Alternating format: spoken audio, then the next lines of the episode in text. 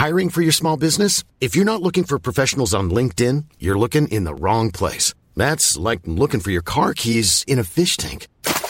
LinkedIn helps you hire professionals you can't find anywhere else, even those who aren't actively searching for a new job but might be open to the perfect role. In a given month, over 70% of LinkedIn users don't even visit other leading job sites. So start looking in the right place. With LinkedIn, you can hire professionals like a professional. Post your free job on linkedin.com slash people today.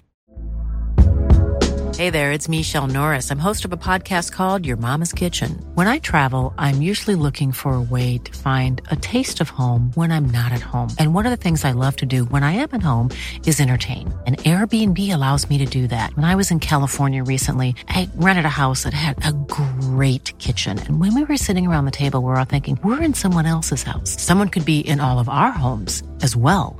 If you have a home, but you're not always at home, you have an Airbnb. Your home might be worth more than you think. Find out how much at airbnb.com/slash host. Since 2013, Bombas has donated over 100 million socks, underwear, and t-shirts to those facing homelessness.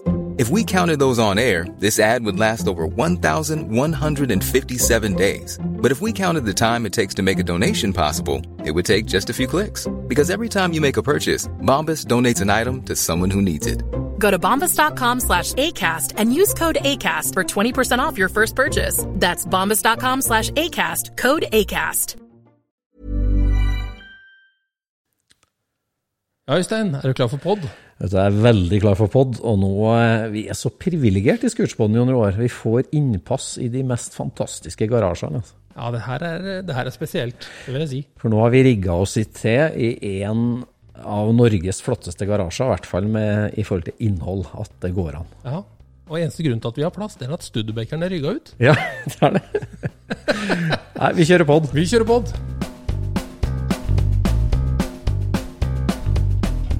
Du lytter nå til Scootspodden, en norsk podkast om klassisk bil med Jon Roar og Øystein.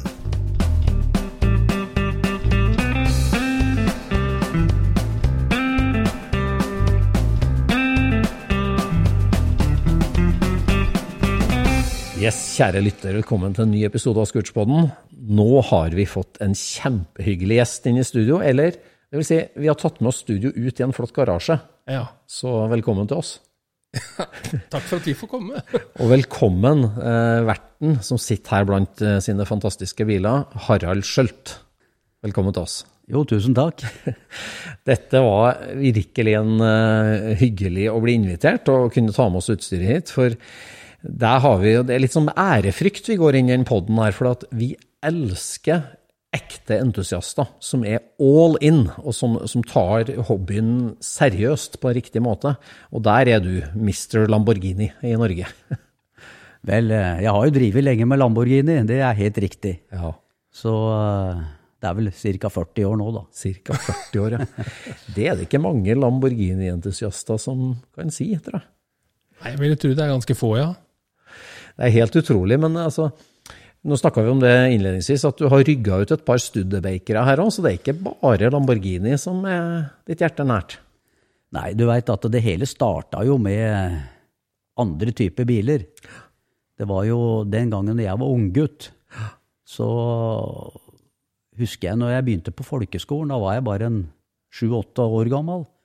Og så var det på vei hjem, hvis du gikk en liten omvei nedom butikken, så sto en 59 Chevrolet Impala Tode Chartop der. Ja. Og den syns jeg var så flott. Sammenligna med de der bilene som sto i gata. Ja, ja, ja. Det var jo ikke mye biler den gangen heller. Nei, nei, nei. Men uh, det var jo sånne ja, folkevognbobler og en Opel Kaddet og en Ford Anglia og sånn. Og så sto den Impalaen der. Så jeg må jo si det at uh, fra jeg var veldig ung, så hadde jeg sansen for det der å se design og linjer. Det, det opptok meg veldig mye. Og det var mange, mange turer fra skolen. Jeg gikk aleine, for de andre gutta var ikke interessert. Så da gikk jeg bare for å se på den bilen. Ja. Syntes han var så fantastisk. Ja, for du, du vokste opp eh, altså Nå sitter vi jo midt i Oslo, eller sentralt i Oslo, og du vokste opp i Oslo. Ja, jeg er Oslo-gutt. Ja. Jeg er født på verste østkanten i Oslo, jeg. Ja, Så ja, så Folkehøgskolen, ja, så da var det på tidlig på 60-tallet, midten av 60-tallet, så da var 59 Impala var en ganske ny bil da, egentlig. Ja, den var bare noen år gammel, Ja, og det var jo sjelden vare å se det. Det var han der butikkeieren som sikkert hadde tjent bra og fått kjøpt seg en sånn fin bil. da. Så det er jo klart at uh, det satte sine spor. Ja. Eh, du veit, det er sånn med unggutter. Enten så ser du ting, eller så ser du det ikke. Men her, her var, det, det skjønte jeg tidlig. Ja, så da, da blei det jo liksom byggesett av sånne modeller, da. Og forskjellige sånne ting oppover. Du malte dem og satte dem sammen og limte dem, og da så du jo åssen bilen var. Og satte dem på hylla, og noen var fine i design, og noen var det ikke. Ja. Så dem satte jeg inn i et skap. Men de som var fine, da, dem, dem gikk jeg så veldig mye på. Ja, hva, hva, hvordan, Gi noen eksempler på hva som var fint, og hva som havna i skapet. da. Ja, den eh, ene som jeg hadde på hylla, som jeg syns var veldig fin, det var en eh, 667 eh, Cadillac Eldorado Cabriolet. Ja. Der klinger linjene veldig bra i fronten, med to lykter over hverandre. Og, Ja, ja. Og så bygde jeg noen andre biler. Det var en Pontiac og det var litt andre Chrysler-biler og sånn, men det var, den Cadillacen var vinneren altså, den gangen. Og så ja. var det jo noe som skjedde, da, når jeg var litt grann eldre. Ja. Det var det at søstera mi hun fikk følge med en kar. da. Ja. Og du vet, den gangen så var det jo ikke sånn som det er i dag, at, eh, at folk ja, de får følge med forskjellig, og foreldra bryr seg ikke så mye. Den gangen så måtte altså svigersønn han måtte godkjennes og måtte ha møte med foreldra og liksom introduseres. da. Ja. Så for å si det veldig kort, da, så, så sto vi Jeg bodde i ei blokk oppe på Keiserløkka overfor Carl Berner. Obos-blokk. Og så sto vi der og venta på den her eh, Svigersønn. svigersønn, da. Lurte på liksom hva han kom i, da. Jeg i hvert fall ventet, lurte litt på det. Og så kom det en hvit bil. 54 Cadillac Eldorado Cabriolet. Kom gliende inn og parkerte utafor. 54 Cadillac? Ja, hvilket årstall var det søstera di ute og fridde? da? Nei, dette her var jo Da var jo jeg eh, Skal vi se. Jeg var vel en sju, åtte, ni år eller noe sånt. Og søstera mi var jo sju, er sju år eldre enn meg. Ja, ja. Så det var jo, den var, var jo ung, hun òg. Ja, ja. Og eh, så fikk jeg hilse på liksom eh, han som skulle bli svogeren, da. Og det blei han jo òg. med en gang, du. Ble det ja? Ja da, ja da. Han var godkjent før han gikk ut av bilen? Ja. Han var godkjent før han kom ut av bilen, han da, for deg? Ja, og da vet du, han var jo lynende interessert i biler. Og det klaffa jo veldig bra med meg sjøl, da. Så da var jeg med han mye og skrudde i garasjen, og da dukka den Studebaker Avantien opp ved et seinere tidspunkt. Ja. Ja, for da, for da for Du fikk jo da lappen tidlig på 70-tallet, og da, da ble det Studebaker altså som første bil. Uh, ja, jeg kjøpte faktisk den da jeg var 17 år gammel. Ja. Fordi at eh, jeg hadde bygd meg en motorsykkel. Og den eh, Fra jeg var 14 til jeg var 16 år. Pelte motoren fra hverandre og satte meg inn i hvordan totakteren virka. Og så prøvde jeg å trimme den etter eget hue, for du fikk ikke noen ordentlige beskrivelser på den motortypen. da. Og det, det lykkes. Ja. Og eh, det som var greia da, det var det at eh, mens jeg dreiv med denne motorsykkelen, da, og og lakkerte og lagde pute og fra hummer og kanari, så blei den jævla fin, og den eh, gikk bra. Så var det en kar, når jeg var, bare hatt den ett år, da, som, som tilbød meg mer enn en ny motorsykkel kosta i butikken. Og da var jeg jo veldig interessert i biler òg, så tenkte jeg da selger jeg den. Og så kjøper jeg en bil. Og da eh, var det svogeren min som fortalte at de hadde vært oppe hos en, en eh, kar som het Thor, som bodde oppe på, oppe på Enebakk. Uh, og han var så veldig flink, fortalte han. Det var så flott arbeid det han hadde gjort, og han hadde en sånn 54 Og så blei jeg med opp dit og titta på den, da. Og han var flymekaniker. Ja, ja. Og snakka jeg en del med han og sa at jeg var interessert i å kjøpe den bilen. da. Og det var jo ikke mange tusenlapper for den bilen. altså. Jeg tror det var 4000-5000 eller noe sånt. noe. Men uh, da kom vi også inn på det som da tidligere blei den veien jeg gikk, sånn utdanningsmessig. Ja. For han var fantastisk flink. Det arbeidet han hadde gjort, det var, gikk utapå det meste, altså. Yes. Så det var en fin introduksjon, og vi hadde kontakt i veldig mange år etter det. Yes. Men som sagt, det var den første bilen, det. altså. 54 Studebacker Champion, Tode Chartop. Tode Chartop. Akkurat. Så det, og det ble altså yrkesveien din òg? Du, etter det bekjentskapet så valgte du flymekanikerlinja? Jeg gjorde det. Og han sa det til meg at eh, jeg tror du kommer til å trives veldig godt med å gå den veien. Ja. For du Han følte vel kanskje noe av det samme som han gjorde, da. Så det var et godt råd, og det, sånn blei det. Sånn ble det. Hvor starta du den da? Var du på Fornebu, da? eller? Nei? Nei da, den uh, flymekanikerskolen den, på, den lå på Sogn videre, videregående den gangen. Nå er den skolen nedlagt. Og det er en var en fantastisk skole, altså. Jeg var så fornøyd eh, hver dag. Jeg, var- jeg gleda meg til å gå på skolen. Altså. Det? Var så fantastisk. Og de lærere vi hadde, de var så dyktige. Og han overlæreren for Flymek, da, han, eh, han var, het eh, Heldal. Og han var fly, flyingeniør og motoringeniør. Og hadde tidligere undervist på motoravdelingen til Rolls-Royce. Og han, eh, han var en virkelig flott fyr. Altså, han lærte oss mye. Ikke bare faget, men han lærte oss liksom sånn menneskelige ting. Ja. Som egentlig er veldig viktig også på klart gutter igjen den alderen. Du er veldig mottagelig for alt. Så han, eh, han kan ikke få fullerost. Og likedan de andre lærere. Hva Men slags eh, liv, et eksempel på livsfilosofi der da, som du tok med deg derfra? Nei, det var alt mulig. Altså, han, eh, vi hadde en i klassen. Første han sa når vi kom, han uh, sa det at eh, når dere er så heldige å komme inn på denne linja, så skal dere sette pris på det, for det her er det flere tusen søkere, og vi er 24 som kommer inn. Neste år så er vi bare halvparten igjen. Så det er opp til dere. Og le, sånn meldingsbok og sånn, det måtte jo ha den gangen hvis du var sjuk, selv om det var videregående. altså. Den kan dere bare kaste. Oh, ja. Den har vi ikke noe brukt for her. For at eh, nå, gutter, nå er dere voksne. Ja. Nå er det dere som bestemmer framtida, ikke mamma og pappa, vet du. Det er det slutt på nå. Så han holdt en sånn tale for oss. da, så Jeg satt der og hørte, vet du. Tenkte, hva er dette for en fyr? vet du. Og så sa han det at eh, det er ikke lov å gå gjennom bokhandleren til skolen. Da sparer dere ti minutter. Det er ikke lov. Nei. Det var greit. Vi gikk jo rundt, vi, utenom én. Han fløp jo gjennom der bestandig, for han hadde dårlig tid. Så var det noen uker ute i første klasse. Så sa læreren at eh, jeg ga dere en del regler når dere begynte her, og det er én som ikke følger det. Kan han reise seg opp? Ja, måtte jo han reise seg opp, da. Skal du ta med deg bøkene dine og alt sammen? Sånn. Det er din siste dag på denne linja. Oi, oi, oi. Så. Han satte eksempler. Men, men vi gutta snakka om det etterpå, at eh, det var voldsomt strengt på en måte. Vi, vi syntes han var litt, eh, litt hard. Men på en annen side, vi skjønte at han kunne aldri vippe over i annen, eh, annen klasse. Nei. For han, eh, han var liksom ikke typen, da. Men han lærte oss veldig mange ting. Det var kanskje én ting, da, at vi måtte følge, følge de reglene som var. Og han tenkte jo selvfølgelig videre på når vi skulle jobbe med fly, at da nytter ikke å tulle, da må du gjøre en ordentlig jobb.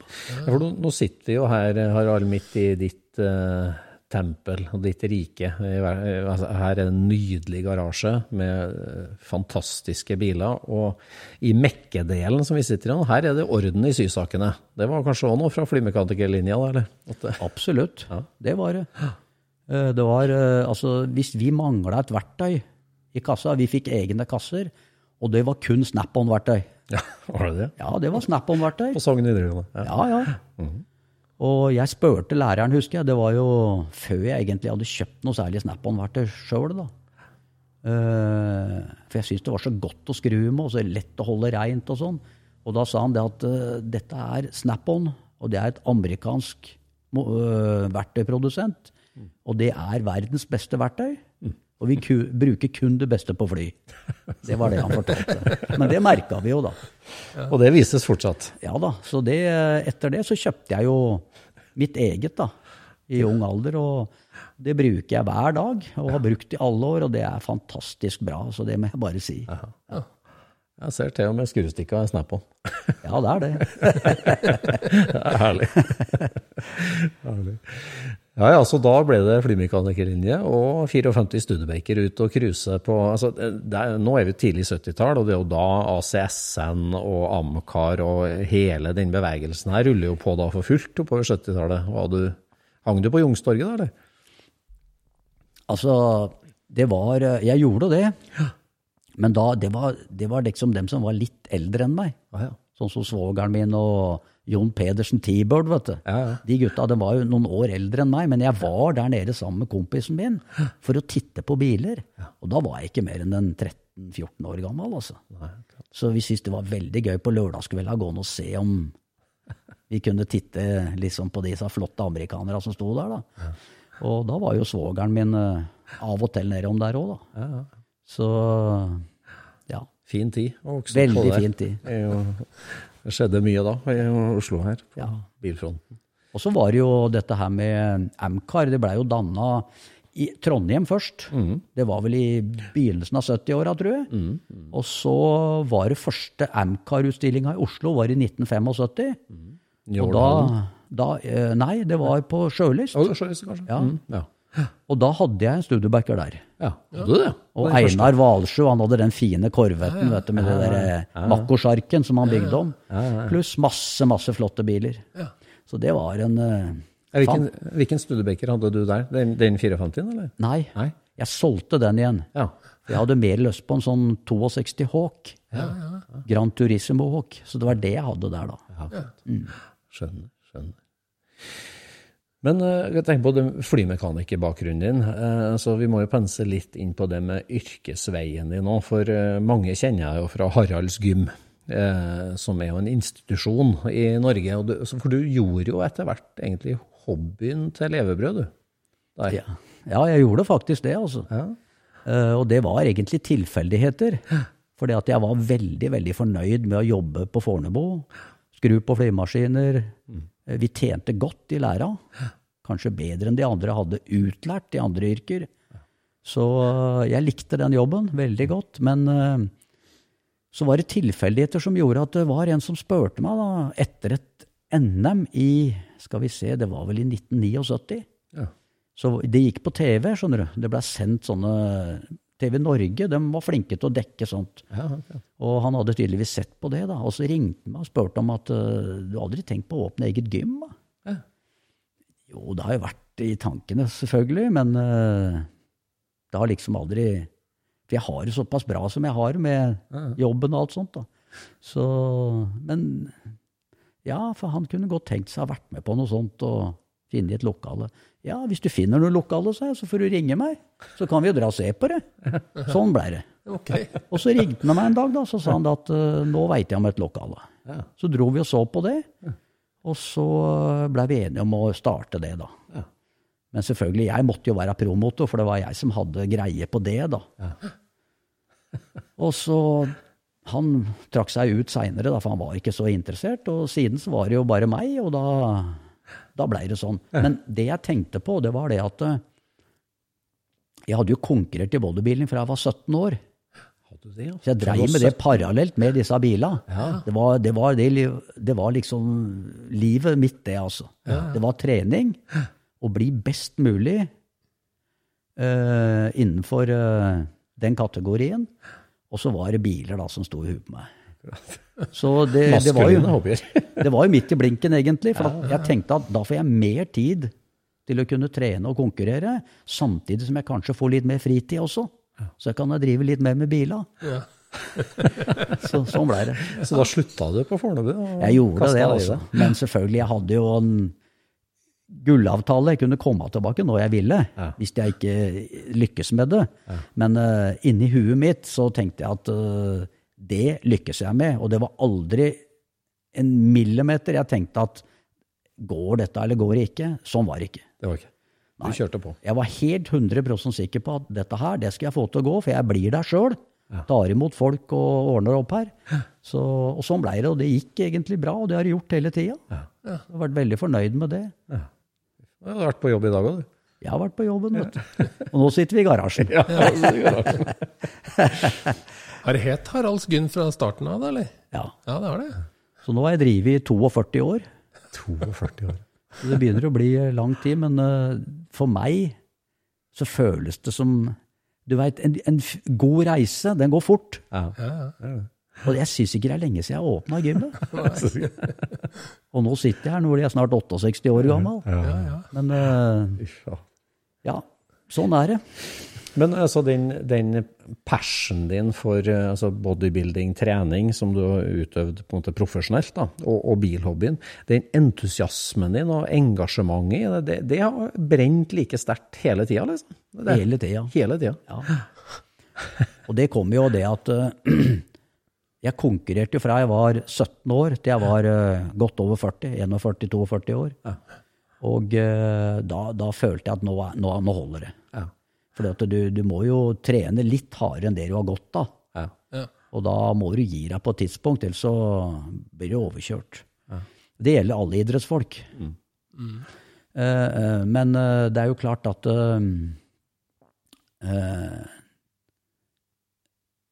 Den interessen har bare fortsatt ved at du kan hjelpe andre. Og jeg, jeg er like interessert i det. Og samme med bila. Jeg brenner for det der, der hele tida og setter meg inn i nye ting og nye modeller og linjer. Og bare det å gå og studere en bil, sånn som den som står her. Du får aldri sett deg mett på et kunstverk. Nei, Nei, nei. Du dukker opp nye ting hele tida. Ja, for nå sitter vi sammen med, med Lamborghini Countach med chassis nummer seks. En av de aller første, og en helt spesiell, som du fortalte oss innledningsvis, den eneste som var levert i grønn, sånn som den er. Den sitter vi altså her rundt og tar opp nå i, i garasjen din, Harald. Det, er- det er et fantastisk skue eh, å, å sitte og se på. Ja, det er helt vilt. Det er jo virkelig. Men, men når skjedde den herre forvanen Altså, fra Studebaker eh, til Lamborghini er det jo et stykke, vil mange hevde. Hvordan, eh, hva, hva skjedde der? Hva- ja, altså det blei jo Studebacker, og det blei jo litt andre biler også. Men eh, det var en kompis av meg som eh, flytta til USA. Og han ga meg en bunke med Road and Track. Dette var eh, tidlig i 70-åra. Tidlig 70-åra. Og så, da jobba jeg på Fornebu. Ja. Og så på baksida der så sto det bilde av en Di Tomaso Pantera, en gul en. Som det var da Ford-forhandlere Ford-forhandlere som solgte i USA. Fordi at det, det var et samarbeid med, med Ford og Di Tomaso, for de brukte 350 Cleveland-motor i de bilene. Så det var en, en nybilsannonse, det, rett og slett? Altså, Ja, sånn. det var det. Eh, den var jo ikke helt fersk. Dette var jo i 76, dette her. Ja. Og så uh, syns jeg den var jækla flott. Altså. Jeg likte linjene. Det var det som tok meg med en gang. Og den var jo ekstrem, og jeg syns jo Korvete var flotte òg. Selvfølgelig. De er jo fint karosseri og fin design på dem òg, men jeg likte den der. der. Og så hadde den midtskipsmotor, så jeg begynte å lese litt om den her. Så hadde den amerikansk motor. Greit å holde ved like og skru på og sånn. Og så sier jeg til en på jobben som sto for innkjøp av deler til flya. Du vet, Den gangen kunne du ikke ringe, det var altfor dyrt. Det gikk ikke. Til USA, ja. Så du måtte sende brev, eller så måtte du sende sånn, sånn telefax, eller hva det het for noe. Sånn morseapparat, vet du. Ja. Så jeg, jeg spurte han om han kunne sjekke opp adressen, eh, om de hadde noe brukte til salgs og sånn. da. Ja, det skal jeg ordne sånn. Så det gjorde han, vet du. Så så jeg, jeg sto og skrudde en dag nede, og så kom han strenende over hangargulvet, vet du. Nå har jeg fått svar. Og da, da var det en, eh, en bil de hadde da, som var ett år gammel. Det var en uh, Di Tomaso Pantera GTS. Rød med svart interiør. Og den kunne du få kjøpt, da. Fy flate. Via Telex fra USA. Ja, ja. Så for å gjøre en lang historie kort, da, så, så kjøpte jeg den bilen. Gjorde du det? Ja da. Var der nede og titta på den. Snakka med formannen. Jeg fikk jobbe litt overtid. da, vet du. Så kunne jeg være med en av flymaskinene ned og så titte på den. Så Ja. den falt i smak, den, også. Ja. Så da kjøpte jeg den, og yes. det ble mange Panteraer etter det.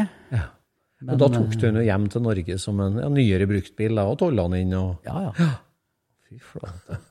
Men det var, det var ikke noe bra kvalitet på dem. Det var dårlig eh, Det var ikke bra, altså. Nei. Så jeg tok dem hjem. Jeg fant ut på den første på vei hjem, så var det mye som skjedde.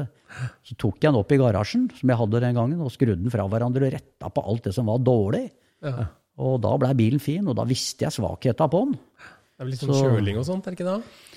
Jo, det var kjøling, og så var det ja, en del rustangrep på dem. Ja. Dårlig elektrisk anlegg, og så videre og så videre. Så det, det måtte ryddes opp i. Så um, Yes. du måtte ikke bli forundra at det var en, en ledning som var surra rundt en bolt uten kabelsko. Altså. Ok, såpass, ja. Det kunne forekomme. Dette var ikke etter Fornebu-standard på Flymek. Nei. Så da blei det det som en introduksjon, da. Som en sånn en, eh, bil. Og så Men, men da, da i 76, var du den første med Pantera i Norge? nesten? eller? Ja, det var desidert den første. Desidert den første. Jeg hadde mange etter det også, før det var noen andre som tok dem inn. Ja. Hva sa kompisene dine da når du kom med den, da? Var det... Skulle ikke motoren sitte foran, eller åssen var det der? Nei, de, de skjønte egentlig ikke Altså, Du snakker om Youngstorget, vet du. Jeg tok den med meg en gang. Jeg husker det var langt utpå høsten. For jeg kjøpte den på sommeren og gjorde den i stand. Og på høsten så var den, var den i orden, da. Ja. Og da kjørte jeg en tur ned i byen, og så kjørte jeg sakte forbi torvet, vet du, og så ga jeg på sånn i enden av torvet. Og da prata gutta jævlig dagen etter, vet du. Sånn, sånn skikkelig rå sportsbil. og Sto noe skrift på sida, det var den lyden på den. Hørtes ut som en amerikansk V8. Ingen visste egentlig hva det var. Da. Så jeg prøvde å holde igjen en stund, men så etter hvert så måtte jeg jo si at det, var min, da. Ja, ja. Det var gøy, det. Men, men for deg, da, altså når du da altså, har sett denne annonsen, du har kjørt Studebaker og amerikanske biler, og så en drømmebil, og så får du tak i en setup bak rattet. Hvordan var det, da? liksom? Altså, det å realisere drømmen og hva- Hvordan føltes det? Første turen? Nei, Det var jo veldig gøy. Altså, Første turen jeg egentlig kjørte, eller satt på i den bilen, det var jo på fabrikken. Og han som var testkjører den gangen, det er han gamle, en som heter Bert Hockey. Han var tidligere testkjører for Ferrari og sånn. Og han kjente jeg igjen. Han hadde kjørt masse race også. Så han fortalte meg om bilen og åssen han var å kjøre og sånn, da. Men eh, du får ikke prøven sånn før du har betalt den. Oi! ja, Var han i Statene? Nei, Nei? dette var i, i uh, Italia, på fabrikken. Å ja. Ja. Jeg kjøpte den første bilen der, altså. Ja, på fabrikken. Gjorde du Ja. Å ja. Du, du dro til Statene? Nei, Nei. han uh, som jobba på kontor, han sendte telefax til Til det Di Tomaso. Å, såpass? Ja.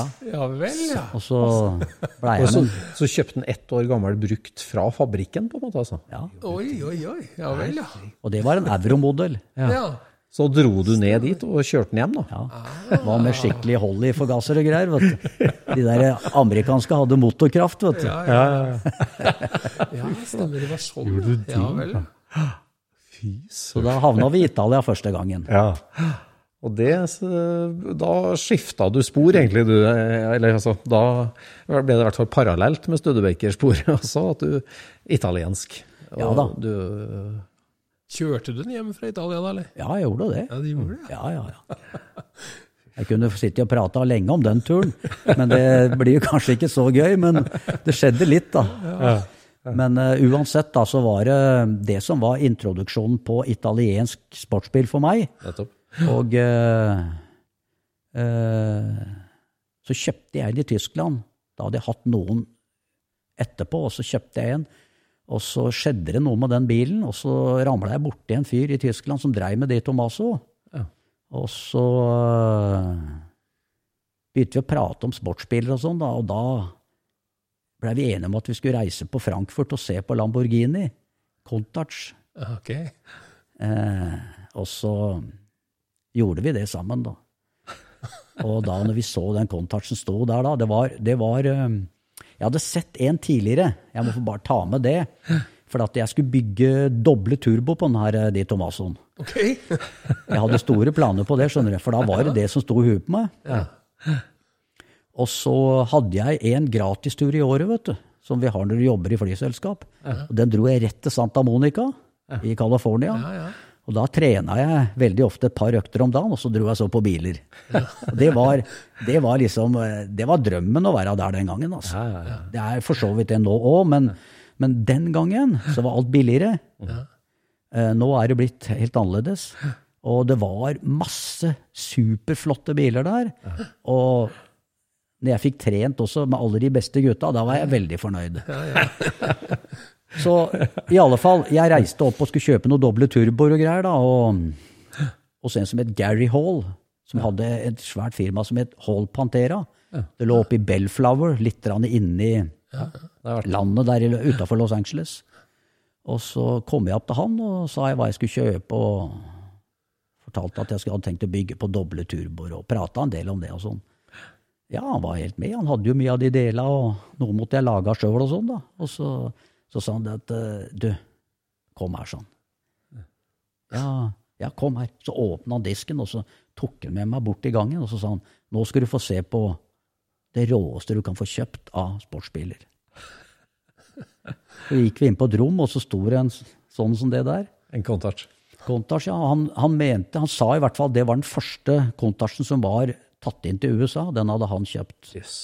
Og da fikk jeg se en sånn en, og da, da mista jeg lysta på Pantera. Jeg gjorde det, altså. Da, da var det noe, noe som skjedde oppi Hvilket årstall var det på da? Dette var i eh, 7-78. Så- ja. 78. Så han drev Bell Pantera, butikken, men reklamerte for Countach. Ja, altså han hadde det som privatbil. ja, ja. For han, eh, Det het Hold Pantera. Han hadde masse deler, altså. Nei, det varehus fullt med Pantera-deler.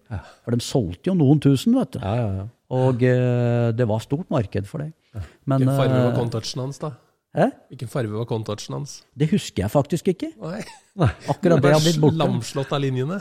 Ja, linjene og Jeg hadde bygg, lagd et byggesett av en sånn bil en gang jeg var på en hyttetur. Så jeg hadde satt meg litt inni det, altså. Men når jeg så den i virkeligheten, vet du, så var det jo ja, tilbake til fremtiden, altså. Og så fortalte han meg motoren, da, som var i helaluminium med fire overliggende kammer og seks doble Webere, 45 millimeter, sånn. Det er veldig viktig. Svære forgassere og, og så videre. Og da med den bakgrunnen jeg hadde, så visste jeg jo det at det var en super, hypermoderne motor.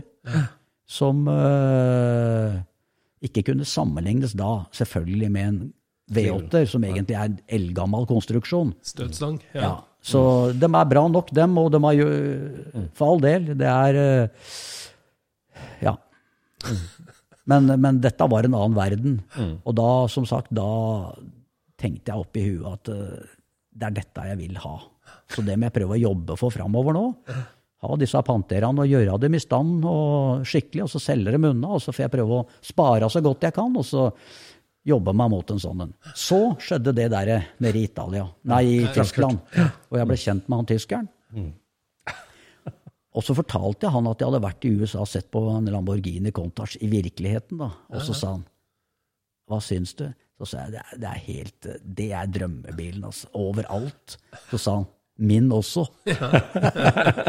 så dro vi på utstillinga i Frankfurt. Felles som Pantera-skjebne der, altså. Drø- Drømme om Countach. Ja, det var det. De er jo litt Altså, se på. Så er jo Konseptet er jo litt likt, da. Ja, det er det. Ja. Så da havna vi i Frankfurt, og da var jo Det var den gangen fabrikken egentlig var på konkursens rand. Ja. Du veit Å lage sånne sportsbiler, vet du, i hvert fall sånn så, så avansert som dette her, går ikke an å tjene penger på det. vet du. Det er en drøm du vil realisere, men uh, du kan fort bli blakk av det, og det skjedde jo da. Så akkurat da så var Lamborghini uh, faktisk nesten konkurs. Fabrikken gikk, nei, eh, staten i Italia, de gikk inn med penger for at, å holde det i live til noen kunne kjøpe det. For det var jo liksom en sånn Ja, det var vel en sånn en, eh, ting de egentlig ikke ønska skulle bli borte. For det er jo en del av Italienske imaget, nærmest. Så um, Men vi gikk jo rundt hele utstillinga der, og den, den bilen der nede, den var hvit, det husker jeg. Og vi syntes den bilen var så rå. Og så gikk vi rundt hele utstillinga, så på alt mulig annet, og så havna vi tilbake der igjen. Og så bare så vi på hverandre, og så bare rista vi på huet og tenkte akkurat det samme. Dette var verdt turen, altså. Og så ja, sier han at eh, har du mulighet til å kjøpe sånn? Nei, sa jeg, har ikke det nå. Men vi får se hvem som blir først, da. Sa jeg ikke noe til vet du. Og så plutselig en dag så dro jeg ned til han, da han bodde i Hamburg, og så parkerte jeg utafor, og så kom han ut, og da fikk han jo helt sjokk. For den var også hvit. Oi. Så, så da kjøpte du din første Lamborghini. Og, og hvor kom den fra, og hvilket årstall var det? Den kom fra Saudi-Arabia, Ja. og det var en 2380-modell, 5000 S. ja.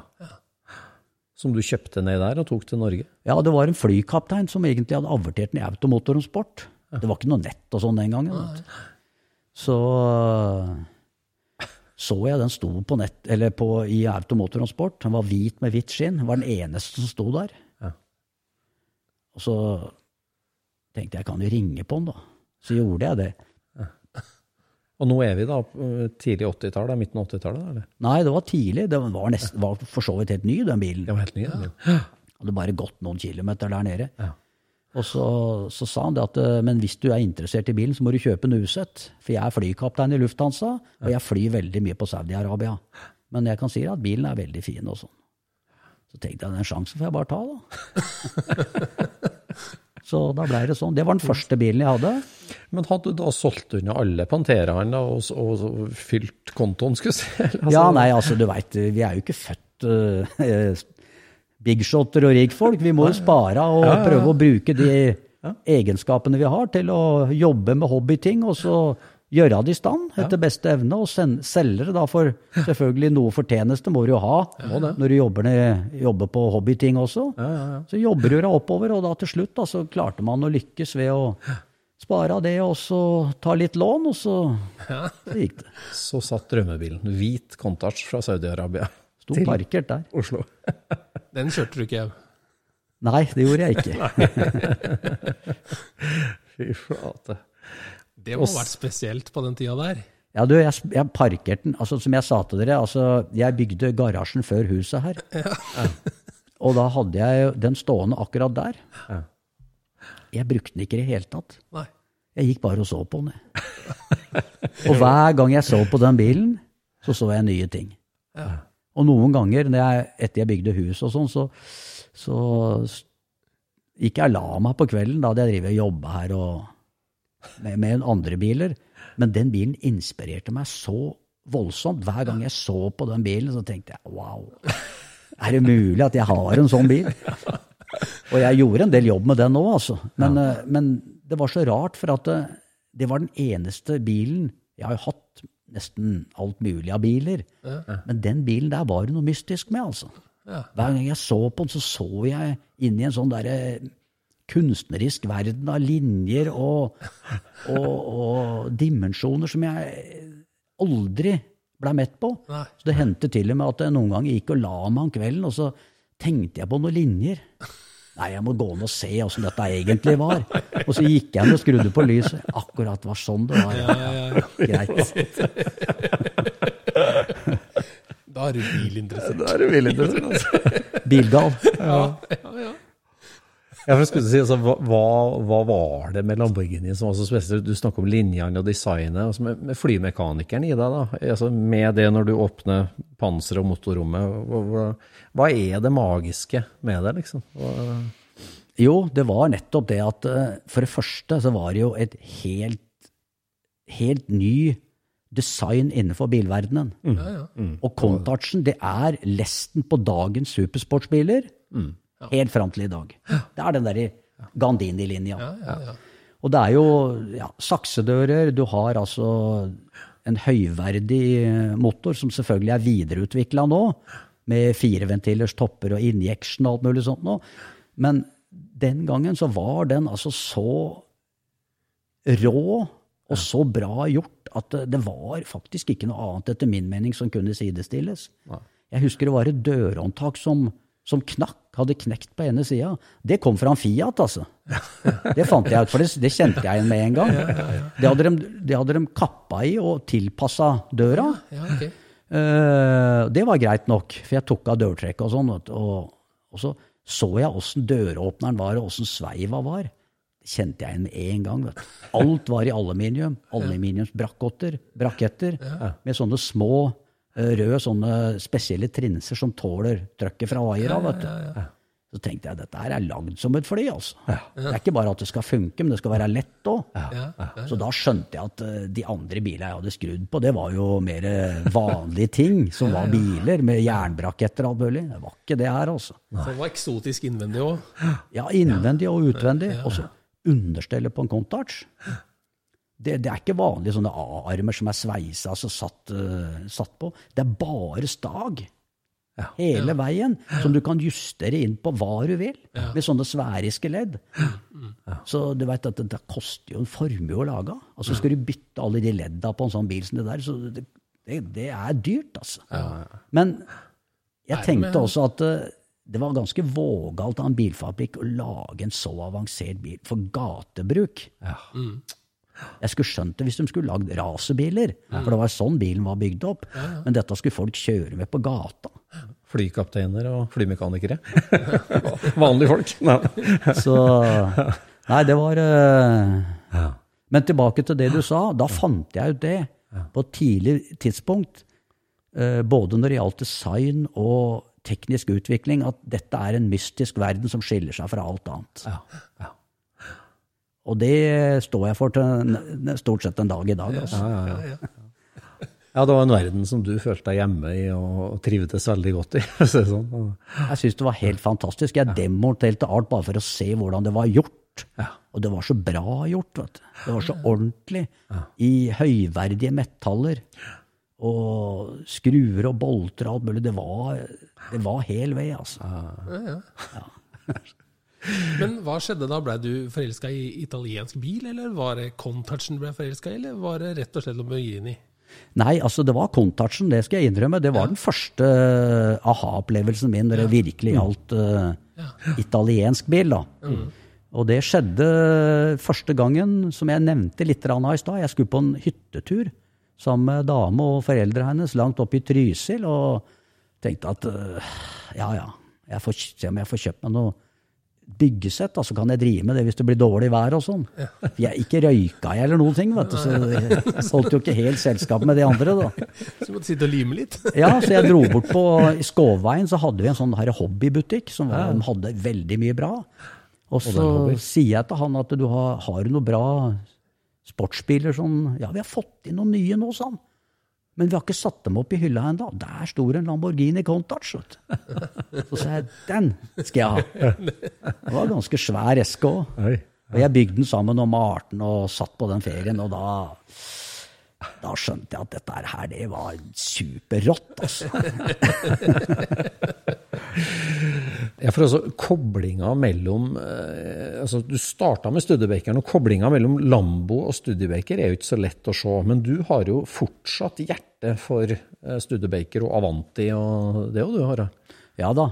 Du skjønner det at det, det var i den tida eh, Jeg var vel kanskje en 10-11-12 år. Så eh, var jeg mye sammen med svogeren min med disse her amerikanere. da.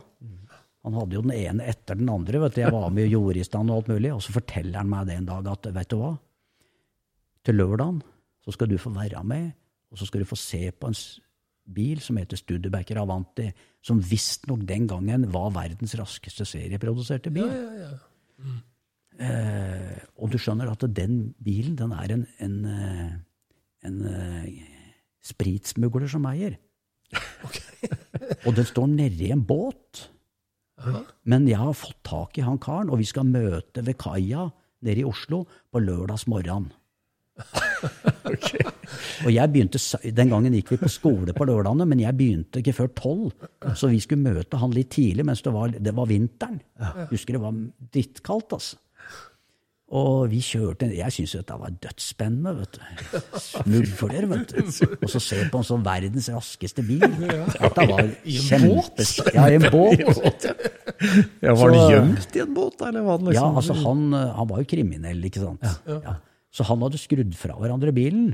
Og I tilfelle de skulle finne den og ta bilen, så lå bilen i betalen. den. Så da, da fikk de jo ikke tatt den.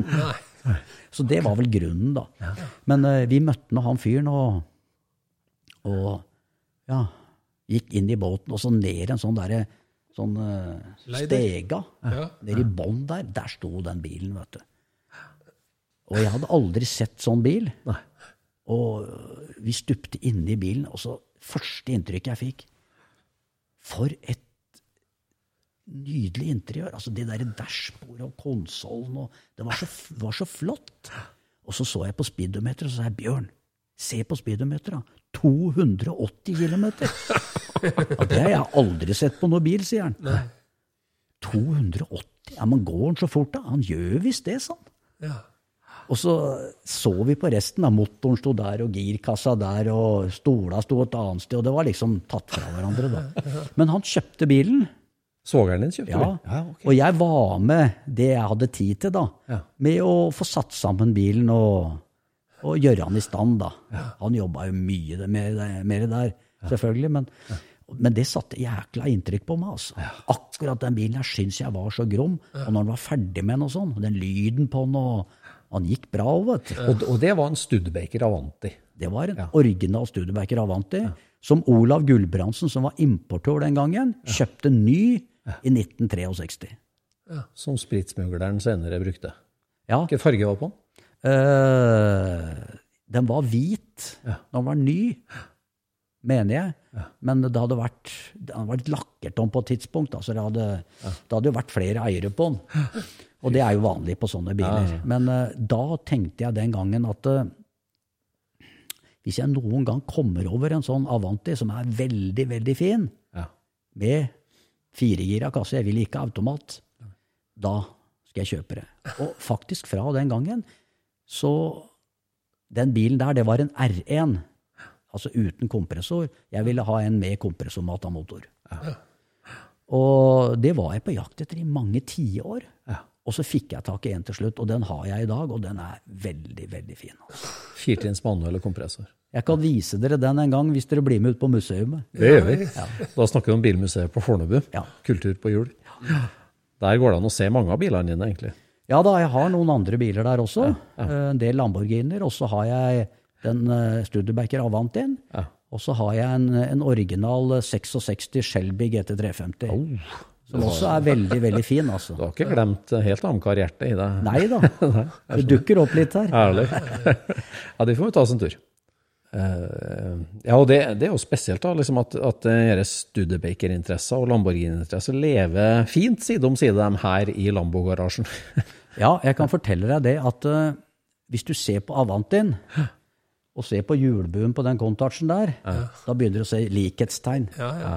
Også en del innvendig, hvor du har brytepanelet på Avantin i taket, akkurat sånn som det er i Miuraen. ja, ja. Så jeg tenkte opp igjennom at uh, har han tatt og sett mye på de bilene?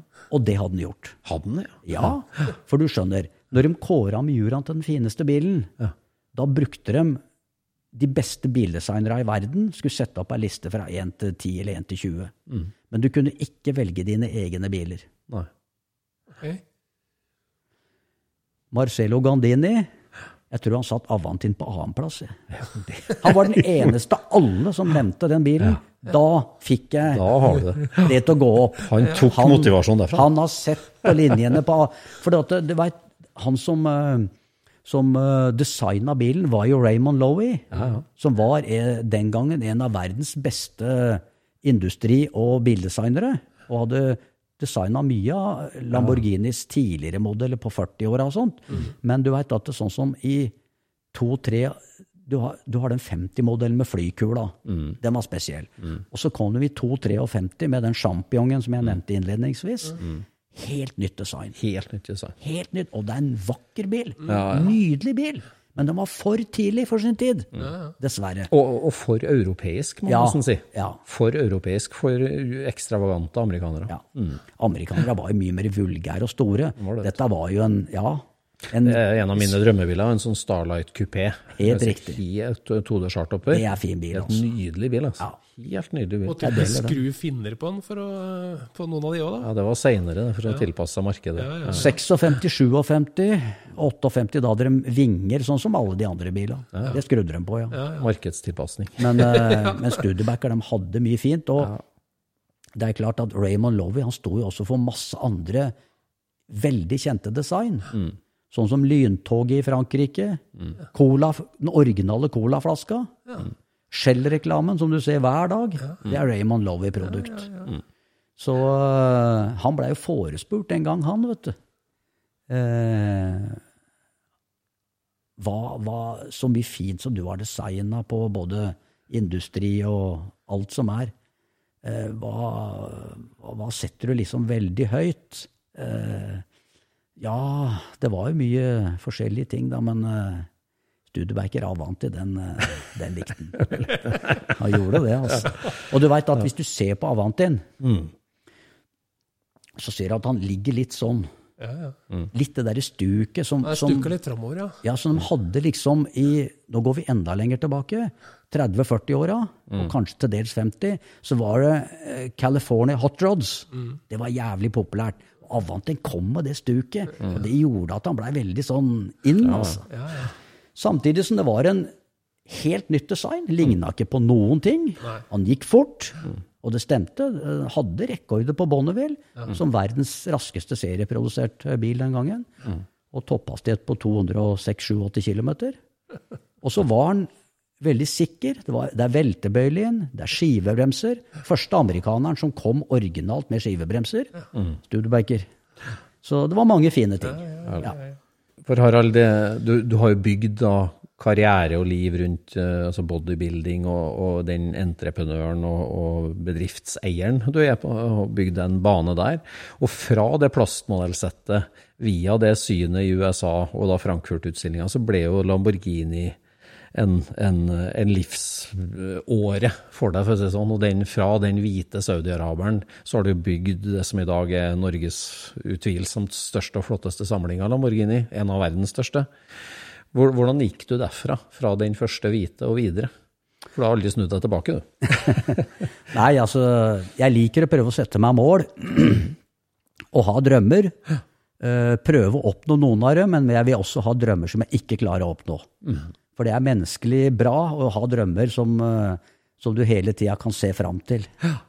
Men uh, dette her med Lamborghini, det, det opptok meg veldig mye, men det var ikke noe plan å kjøpe alle de bilene.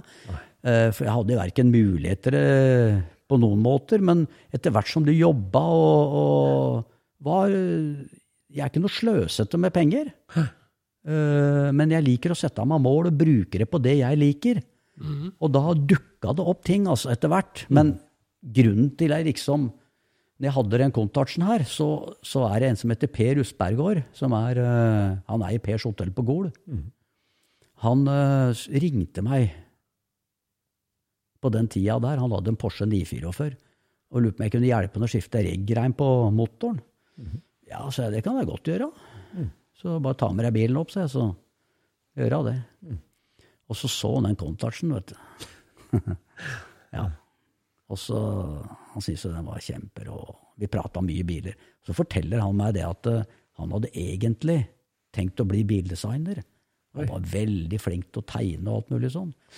Og så etter vi ble enda litt mer kjent, da, for han ville ikke liksom fornærme meg først, så han ville bli kjent med meg, så sa han, du skjønner det, sa han, at den fineste Lamborghinien som er lagd, det er Miuraen. Det er den, det er den grommeste, ultimate, altså. Sånn. Ja, så jeg, det, den er fin, så jeg, men jeg liker bedre Contarsen, så jeg, sånn personlig, for det var, det var liksom min Jo, men du skjønner, jeg har studert disse modellene, han var veldig på det. Ja ja, greit nok. Og så gikk det noen uker, og så ringte han meg og så sa han, vet du hva? Nå skal bladet Car de skal kåre verdens mest sexy og råeste bil som er laga av gatebiler. Og da skal du få se hvem bil som vinner sånn. Nei, det er jeg ikke så sikker på. Så det er lagd mye fint. Men at det kommer noen Lamborghiner høyt opp, det er jeg helt sikker på. Eh, så vi får nå se på det. Og så Ja, han kom med blad, han. Jeg var her inne og jobba, ja, så hørte jeg han dunka på døra. Så tok han opp bladet, så sa han 'Nå kan du se'. Ja Det var med juraen, da. Ja. Ålreit, sa jeg. Eller, det var i forkant. Hvis Miuraen blir den som blir pelt ut, som du sier, Ja. som eneren, da skal jeg prøve å liksom begynne å se etter en Miura, da. og så kom han med dette bladet, og så, og så så jeg jo det, da, med egne øyne. Og Kontarsen kom noen par-tre hakk under det, altså. Ja. Og da sa jeg at uh, da shaker vi hands, da begynner vi å jobbe med den saken. og det gjorde jeg. Og da, Da går du systematisk til verks. ja, da, da, da var det en, eh, en eh, for så vidt lang vei, men veldig, veldig begivenhetsrik og morsom vei å dra og se på de få biuraene som var til salgs i verden. For det var bare tre-fire stykker. Det var ikke noe flere. Nei. Så vi var jo Da, da dro jeg sammen med en kompis av meg som heter Hans, som hjalp meg med Miuraen. Og vi havna i Sveits og Tyskland og Italia. Og det var ikke bra, de bilene, altså. Nei. Men uh, Ja, for hvor mange av det som mange, annet bladet Car, da, sier verdens flotteste bil, hvor mange finnes igjen av Miura omtrent? ja, det er litt vanskelig å si, men uh, jeg ville helst da ikke ha den første P400, men en S. Eller en SV. Det som dukka opp da, som var best. For at S-en den, den har detaljer som jeg liker bedre. Og eh, ja, vi var i Italia, jeg husker jeg så på en veldig flott bil der. Men det var en P400, da. Den første. Hva er forskjellen på de to? Altså, hvilke detaljer er det du foretrekker på S-en? Eh, ja, det er mye innvendig. Det er litt, mer, litt finere utsmykka. Ja. Det er lagd sånn svært håndtak inni som vir virkelig er sånn Det er. Miura. Ja, ja, ja, Men det er ikke på den første. Nei. Så det var sånne småting som jeg hadde bitt meg merke i. da. Ja, ja. Og så er det innstigningstrinna og det var noen sånne Mertone-greier som jeg ja. Ja, ja. Hvilket årstall er vi på da, da? At du starta jakten for alvor? Nei, det er vel eh, rundt 20 år sia. Ja. Ja. Så rundt uh, slutten på 90-tallet, eller 2000. Ja. Så eh, Men når en Miura er dårlig, når du reiser av gårde for å se den, hva- hva er dårlig med den da? Er det, er det utslitt, eller hva?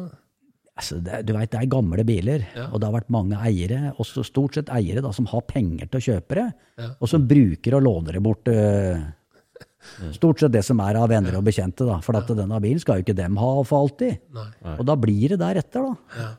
Så å finne en sånn Miura som var fin, det var, det var ikke Da var de i så fall restaurert. Og den, den som vi så på i Italia, den, den var veldig fin, altså. Men jeg hadde en bok, skjønner du, som uh, var skrevet av Peter Coltrane, som uh, jeg fikk låne av en, eh, en kompis. Uh, og der sto alle farvekoder og motornummer og innvendig farver og alt. Så det er klart at når du hadde chassisnummeret, så var det fort gjort å se hva som Originallevering. ja. Så den var fin, men de hadde tatt feil farve utapå og feil farve på skinnet inni. Det var jo ofte sånn den gangen at uh, hvis du kunne lage deg en bil som var personlig, med din farve og din farve inni, det var veldig gromt. Ja, ja. Men i dag så vil vi jo selvfølgelig ha det tilbake til opprinnelsen. Ja, ja. Ja, så det ble ikke noe av. Og i den sammenhengen så sa jeg det at nå har vi jo vært og sett på de som er til salgs. Og hadde denne vært original, sa jeg, så hadde jeg vurdert den, altså. Men uh, jeg har sett den gamle bilen til Frank Sinatra har stått til salgs, sa jeg, i et blad. Men uh, den kunne jeg egentlig tenkt meg å dratt og sett på. Og så lo han fyren sånn, ja, men den bilen er jo solgt for, på en bilauksjon, og den er jo borte. Så det, men hvem kunne ikke tenkt seg den, liksom? Så, sånn prat blei det. Men jeg ga meg ikke der, jeg, altså. På fly hjemover så tenkte jeg at jeg veit at jeg har det bladet på loftet hjemme, hvor den bilen sto avertert. Og det fant jeg fram, og ringte, og den var ikke solgt. Det var ikke solgt. Nei, den var ikke solgt. Altså, det var annonsert i en papirannonse, altså i et blad? Ja, i, det sto i flere av sånne svære Carl og de svære bilmagasinene. Én sides annonse. Oi. Og så sto det X Frank Sinatra Miura, og så sto det Price on request. Og så ja, ringte jeg han fyren, og så sa jeg da at eh, jeg ringer på en annonse som er litt tilbake i tid, da. Så Hvor har den bilen tatt veien, liksom? Ja. Så sa han da at den står ikke veldig langt unna meg, sånn. Ja, er den ikke solgt, sa jeg. Nei. Så sa jeg det til han at kan du reservere bilen? For jeg er seriøs. Ja. Vi har vært og sett på noen andre, og dem er ikke interessante. Så skal jeg komme over i løpet av noen dager. Så dro han og jeg over, da. For den sto i USA. Den sto i USA, ja. Dro vi over, da. Og ja, brukte et par dager på å gå over bilen, da. Og fant ut at den måtte restaureres, den òg. Men den var veldig original og urørt. Alt var der. Og det var det som var viktig. Var det originallakk på nå, eller fortsatt, eller? Nei. Nei, det var det ikke. Men det spilte ingen rolle, for den finner du jo, vet du. Ja, ja. Under der. Når du får demontert alt sammen ordentlig. Jeg har annen farge òg, eller? Den var oransje. Men den skulle være oransje metallic. For det var den første Miuraen som ble lakkert i metallic-lakk. Og det var Sinatra på hans ønske at den skulle ha Metallic. oransje metallic. Det var hans yndlingsfarve, og det, det skulle den ha. Så øh, alt satt i. Alt interiør var jækla fint. Teppene var fine. Det var ikke rørt noe. Og Oppi motorrom og sånn. Han gikk jo på åtte av tolv sylindere. Når jeg kjørte med den. Men jeg sa det til han kompisen min at denne bilen her, den er rett og fin. Jeg hadde kjørt den der røde Ja, oppi trønderbilen. Ja, og den sto i Oslo her. Den, den føltes ikke bra, altså. Nei. Og jeg tenkte de kan ikke være så gærne, disse bilene. Så hadde jeg kjørt noe, men jeg kjørte den, så følte jeg at denne bilen er rett og fin. Den motoren som ikke går på alle sylindere, den skal opp uansett. Så ja, da blei det handel, og han eh, som hadde den, han eh, Han var egentlig veldig ålreit, altså. Jeg kunne komme inn på mange andre ting også, men eh, det blir for mye å ta med her. Men, men han sa det at det var liksom ikke bare at han skulle ha betalt for bilen, men det var også det at han følte at bilen fikk et godt hjem, altså. Og det, det fikk han jo. Så når vi fikk han hjem, da, så ble han gjort i stand og sånn. Ja, for da tok du den hjem hit og pella den helt fra hverandre, og Mm. bygde den helt opp fra null. Tok den forsiktig fra hverandre, Ja. Uh, reparerte de delene som var der, og satte alt sammen igjen. Men alle de originale delene. Det er ikke noe som er bytta ut. Sågar som alle bolter, muttere og skruer er tilbake på samme plass de var den gangen når bilen var ny. Det er ordentlig. Og du veit, den gangen så var Det er noen bolter som er sortkromatisert, noen er sølv, noen er gull og sånn. Eh, og det studerte vi på, biler, på bilder på nye biler, og det så du dem òg, men det, det blir vaska bort. Ja, ja, ja. Tidens tann, vet du. Blir svakere etter hvert, ja. Ja, det gjør det. Så vi sendte bort det til kromatisering da, i masse poser, og fikk alt tilbake sånn som vi hadde merka. Og når vi da monterte sammen alt, så var alt på plass der det var, med riktige deler, riktig bolt, mutter, skiver osv. Så, det Dette, er, denne jobben gjorde du sjøl, i stor grad? ja, Hans og jeg gjorde det sammen. Så han var veldig flink. Eh, Det var en, eh, var en fin eh, jobb som blei gjort. Og jeg husker vi satt mange seine kvelder og så på bilen og så på hverandre og tenkte at eh, åssen er det mulig å lage noe så vakkert? Vi behøvde ikke å snakke så mye, vi tenkte akkurat det samme. Så eh, han sier jo, han også, at eh, det var i et blad som han de, Han har jo jobba i USA med supersportsbiler tidligere og sånn. Eh, Spirit of Italy. ja. Og han, han blei jo spurt en gang i en artikkel i et sånn bilmagasin, Sportsbil tror jeg det var, hva som var den største opplevelsen hans med hensyn til biler og alt mulig sånn. Da kom den historia med den Miuraen. Spesielt det som skjedde i Italia, da. Ja. ja, for det må du ta oss igjennom. For det, vi, vi sitter jo her eh, ved siden av en nydelig oransje metallic, som du sier, Frank Sinatras gamle Miura. Og du tok med deg den, du, til Lamborghinis offisielle 50-årsfeiring hos fabrikken, ikke sant? Jo, det stemmer det. Og jeg tenker, mange Miura-eiere, de, eh, første så har de vel andre til å transportere dem for seg. Eh, De kjører i hvert fall i lukka henger nedover, men du kjørte på Kielferga, du. Ja da, vi gjorde det. Du veit at uh, dette her har med entusiasme å gjøre. Og så er jeg jo som sagt uh, mekaniker sjøl, så jeg visste jo at den bilen der, den, er, den har vi gjort såpass bra jobb med at den, den tåler en sånn tur uten problem. Eh, og så tenkte jeg at eh, nå, i denne anledningen, så vil jeg vise først og fremst for meg sjøl og resten av bilverdenen at det faktisk går an å bruke dem òg. Ja, For det er jo sånne trailer queens alle sammen. Ja, det blir det. vet. Gjemt bort i hemmelige Kjører dem opp på en trailer, og så kjører med dit for å rygge den av, og så stiller den ut, og så hjem igjen. Ja. Og da tenkte jeg at anledningen i, i, eh, med 50-årsjubileet, det var jo glimrende. Jeg Ja, ja, ja. Så da blei det bestilt billett på Kiel-ferja, da, vet du. Så Det var jo tidlig i mai, vet du. Det var helt i begynnelsen av mai. Så det var nesten sånn sludd i lufta når jeg kjørte Men Han- hadde, hadde du kjørt den litt før, eller? Ja da. Ja. Det var, eh, det var litt sånn kappløp på slutten her. Ja.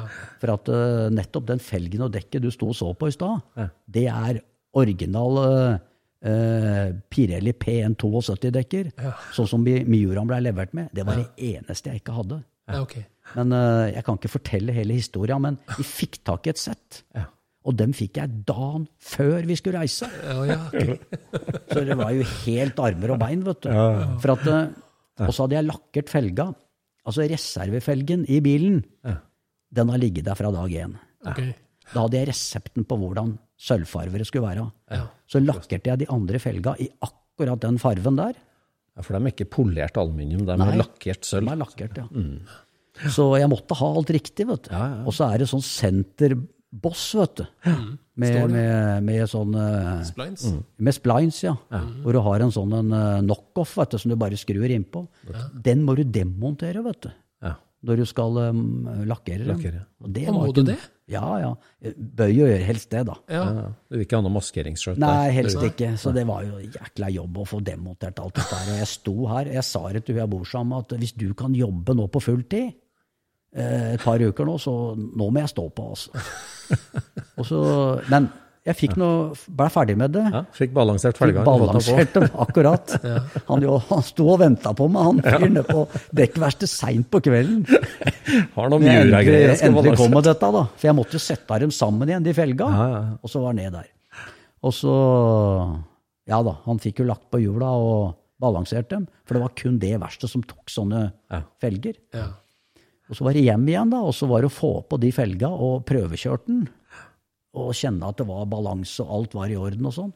Og det husker jeg så godt. Da fyra jeg den opp her, hadde fått på de hjula. Da var klokka halv tolv om natta. Og rygga ut og kjørte bortover ringveien. Så måtte jeg dra på litt for å kjenne at alt var i orden. Da. Og kjørte bortover der, vet du. Og alt var helt perfekt. Lysa gikk opp, og tårnet virka. Alt var i orden. Og så var det løpet hjem og pakke, da. Vi skulle jo være borte ei uke. Så ja, det ble litt sånn armer og bein. Men eh, det var en fantastisk tur. Eh, både fra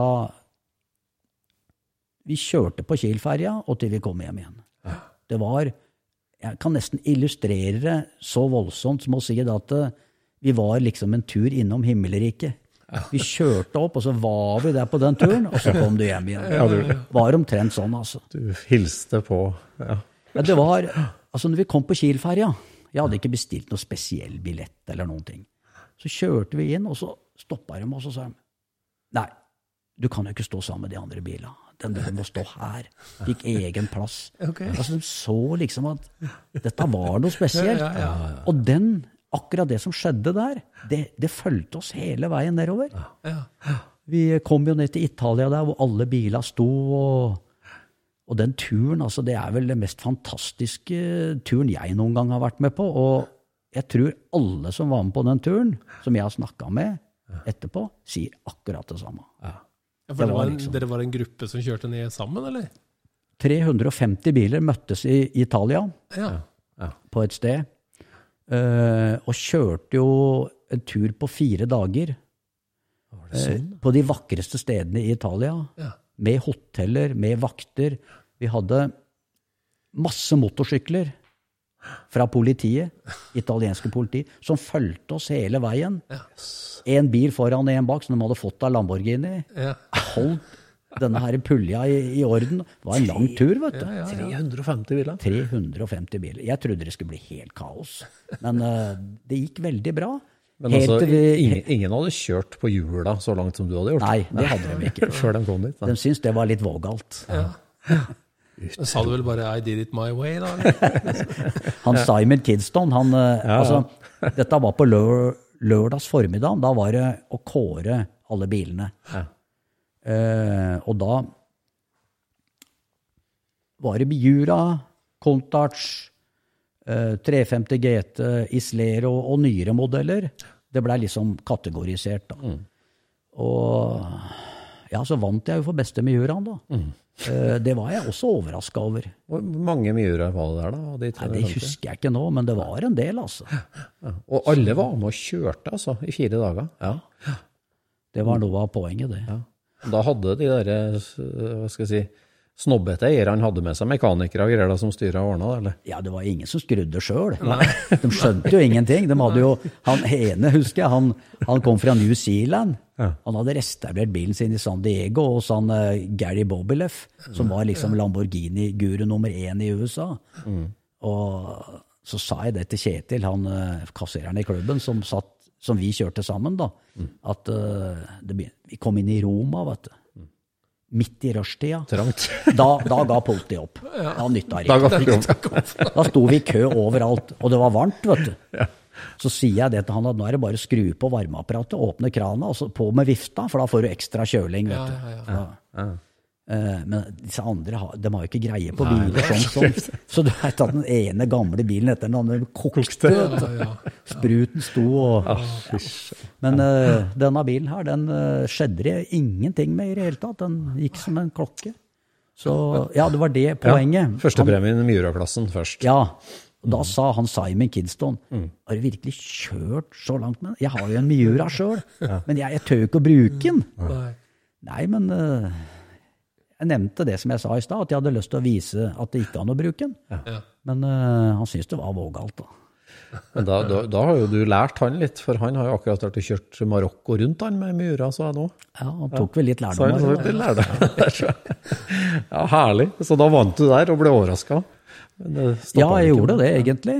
Så eh, da var jeg så fornøyd med at jeg hadde vunnet da de to, altså for den Miuraen og den bilen som hadde da kommet lengst fra, da. Kjørt lengst, ja. Så øh, da var jeg happy. Og så, etter den utstillinga, da hadde de også tatt ut Best in Show-vinneren. Men det var jo ingen som visste om hvem bil det var. Nei.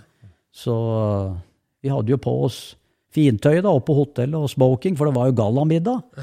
Og alle skulle kjøre i kortesje opp til fabrikken, da. Hvor det var da Alle prototyper sto ute på plenen der, og, og gikk noen flotte damer rundt der med champagnefat, og alle var der. Du veit, på det tidspunktet, de som hadde konstruert Miuraen eh, Alle dem var der, vet du. De levde. Nå er jo flere av dem døde, vet du. For hvilket år, hvilket år var det? Det var i 13. I 13. Ja. Så vi snakka både med Marcello Gandini og, og og eh, Stanzani, Dallara. Og, og eh, på TV så hadde de han testkjøreren, vet du, fra New Zealand. Han Bob Wallace. Ja. For han bodde jo i Phoenix i USA. Så på storskjerm så snakka han, da. Så det var liksom Alt var så, det var så gøy og så levende. Og eh, ja. Vi, vi, vi visste jo ikke hva som skulle skje, egentlig. Men plutselig, når vi var på en sånn omvisning, da, da vi ble jo vist alle produksjonsavdelingene til Lamborghini osv. Og, så videre. og jeg var veldig interessert i karbon, blant annet. Ja. for det hadde de jo kommet veldig på bane nå. Og den avdelingen de hadde hos Lamborghini, den, jo, den var sammen med Boeing-fabrikken. At, de, at de dreiv med det. Det var den gangen det het Sesto Elemento. Altså det var sånn flere elementer da, eh, med karbon. Og den avdelingen var jeg interessert i.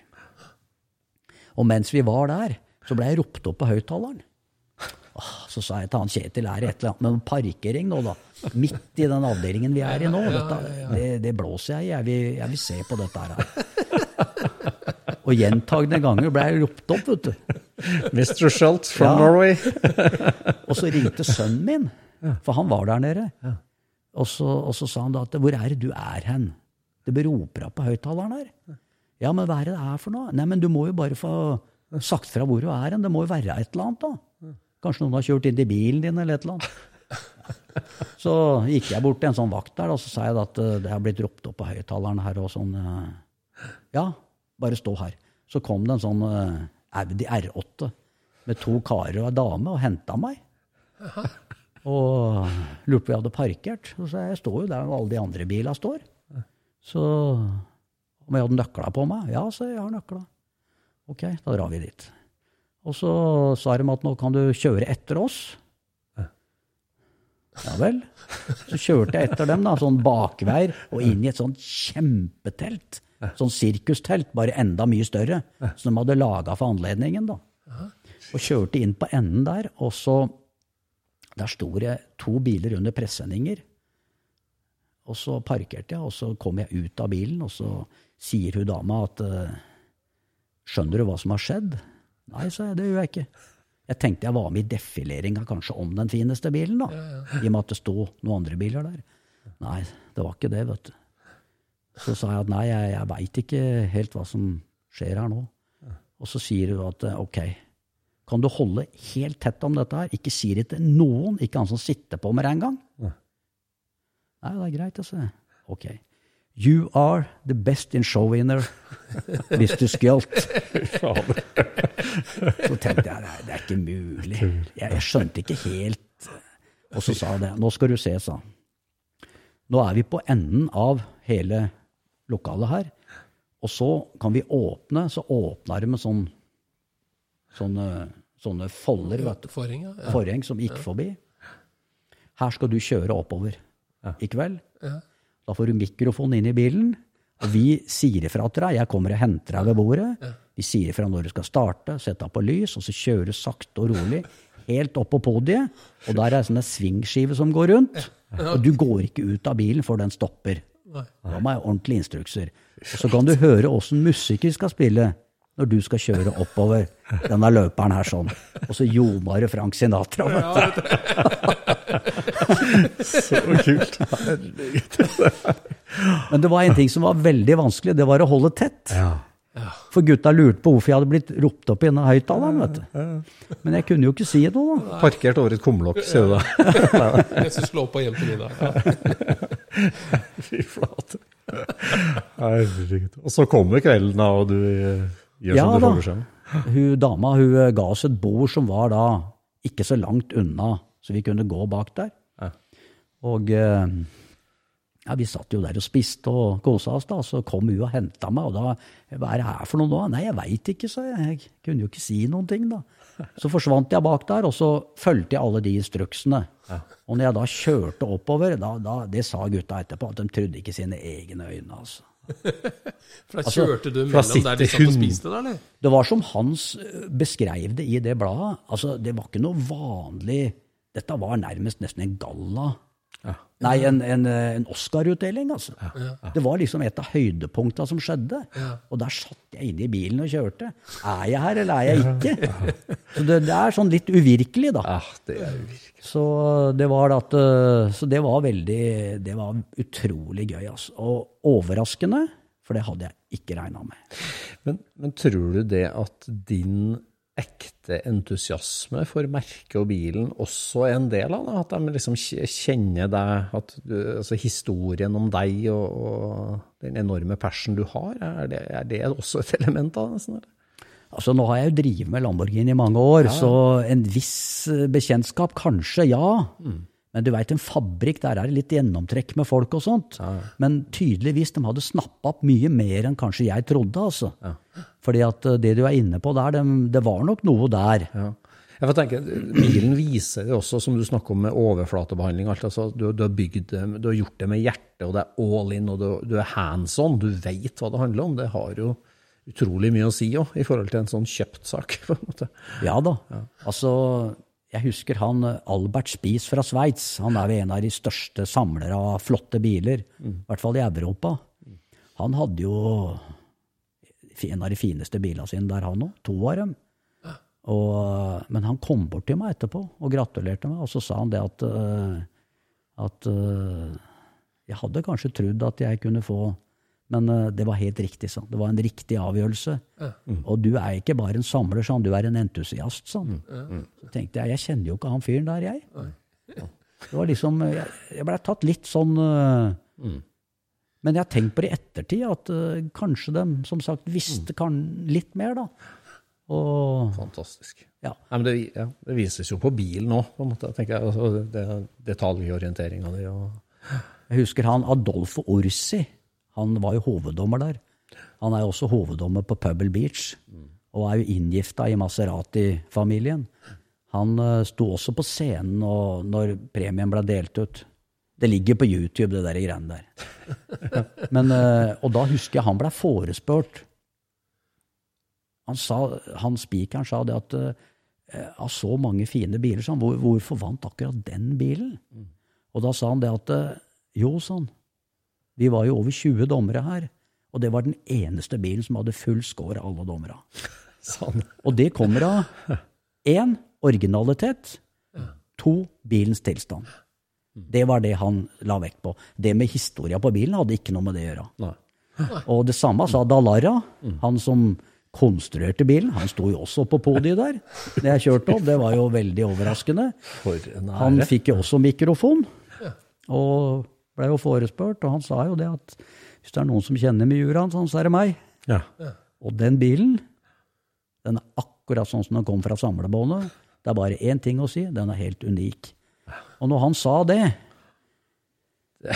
da tenkte jeg at eh, ja, da hadde vi igjen for alle de timene, alt det der researchen vi gjorde, og fikk til det vi gjorde, altså bilen sånn som han blei da.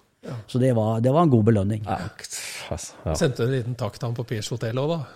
Ja, Per han, eh, han fulgte jo med, disse gutta. da, vet du.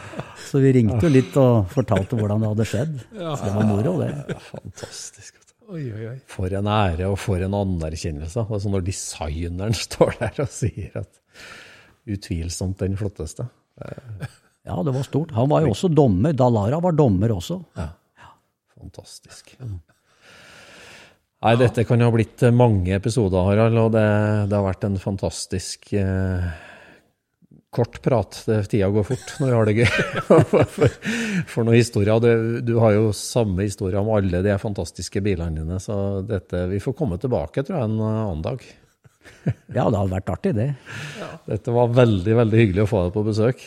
Kjempetøft. Å komme på besøk i ditt rike her, og at du gir oss det. Det er så fantastisk. Altså med, som du sier, du gjør ting ordentlig, og du setter deg store mål. og På mange måter uoppnåelige mål, men så har du jo greid det. og det er helt... eh, Du sa det at du må alltid må ha et mål du som nesten ikke kan nå.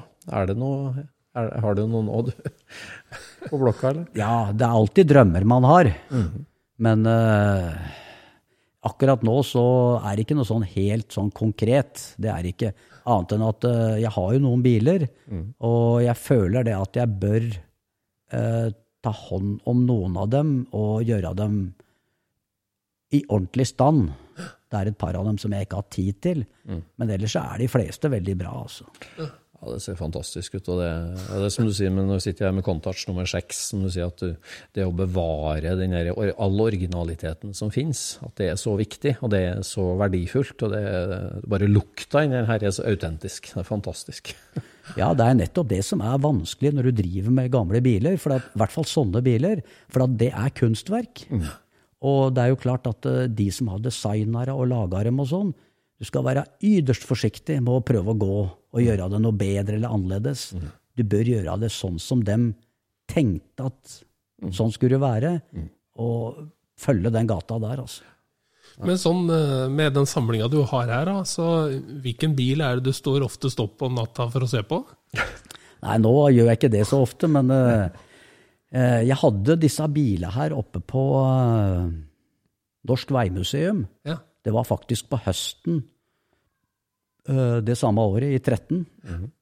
For at eh, jeg var eh, Jeg var sånn eh, Vi skulle lage en Lamborghini-utstilling der oppe. Eh, og da Da skulle jeg prøve å få tak i da en av hver av modellene, da. Uh, nettopp så vi fikk vist fram det sammen med, med Norsk Veimuseum. Den het Linjer og landskap. Og det passer jo bra. Så bra. Ja. Og uh, da var jeg prosjektleder for det, for uh, det med bilene, da. Og uh, da var jo den Miuraen borte i et halvt år. Vondt. Og du veit at jeg har jo vindu inn til huset. Så når vi sitter og ser på TV, så kan du se ut på bila. Og da, hun jeg bor sammen med, er ikke veldig interessert i biler, altså. Men eh, da sa hun det at Hvor er den derre Jeg savner den der nydelige bilen å gå og se på. Hvor er den henne, liksom? Er den borte? Ja, du veit han står på museet. Ja, men se å få henta han igjen. Da, og når folk som da ikke er interessert, ikke sant, ser den at uh, dette er faktisk veldig flott. Det sier litt om den effekten det har, de linjene på folk. Fantastisk. Ja, kjempebra. Ja, dette var veldig hyggelig, Harald. Tusen takk for at du deler med din, ja, din lidenskap med oss og alle lytterne. Tusen takk. Veldig hyggelig. Jo, det var bare hyggelig for min del også. Takk for i dag. Vi snakkes. Ha det bra. Scootspodden produseres av SSC Media, med god hjelp av VV Norge og Trond Dahl for hosting, Knut Micaelsen for musikk. Abonner på Scootspod via podcaster eller Acast, og følg Scootspod på Instagram og se det vi snakker om. Der kan du også komme med kommentarer og innspill, og fortelle oss hva du vil høre om.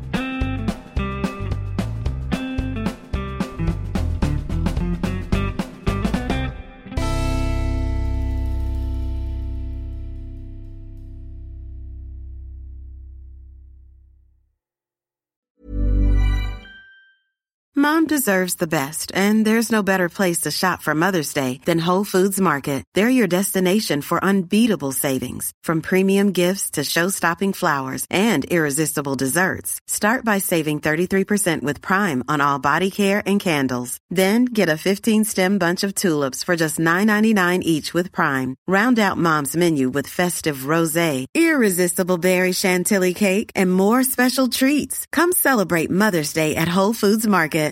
Planning for your next trip? Elevate your travel style with Quince. Quince has all the jet setting essentials you'll want for your next getaway, like European linen, premium luggage options, buttery soft Italian leather bags, and so much more. And it's all priced at 50 to 80% less than similar brands. Plus, Quince only works with factories that use safe and ethical manufacturing practices. Pack your bags with high-quality essentials you'll be wearing for vacations to come with Quince. Go to quince.com slash trip for free shipping and 365-day returns.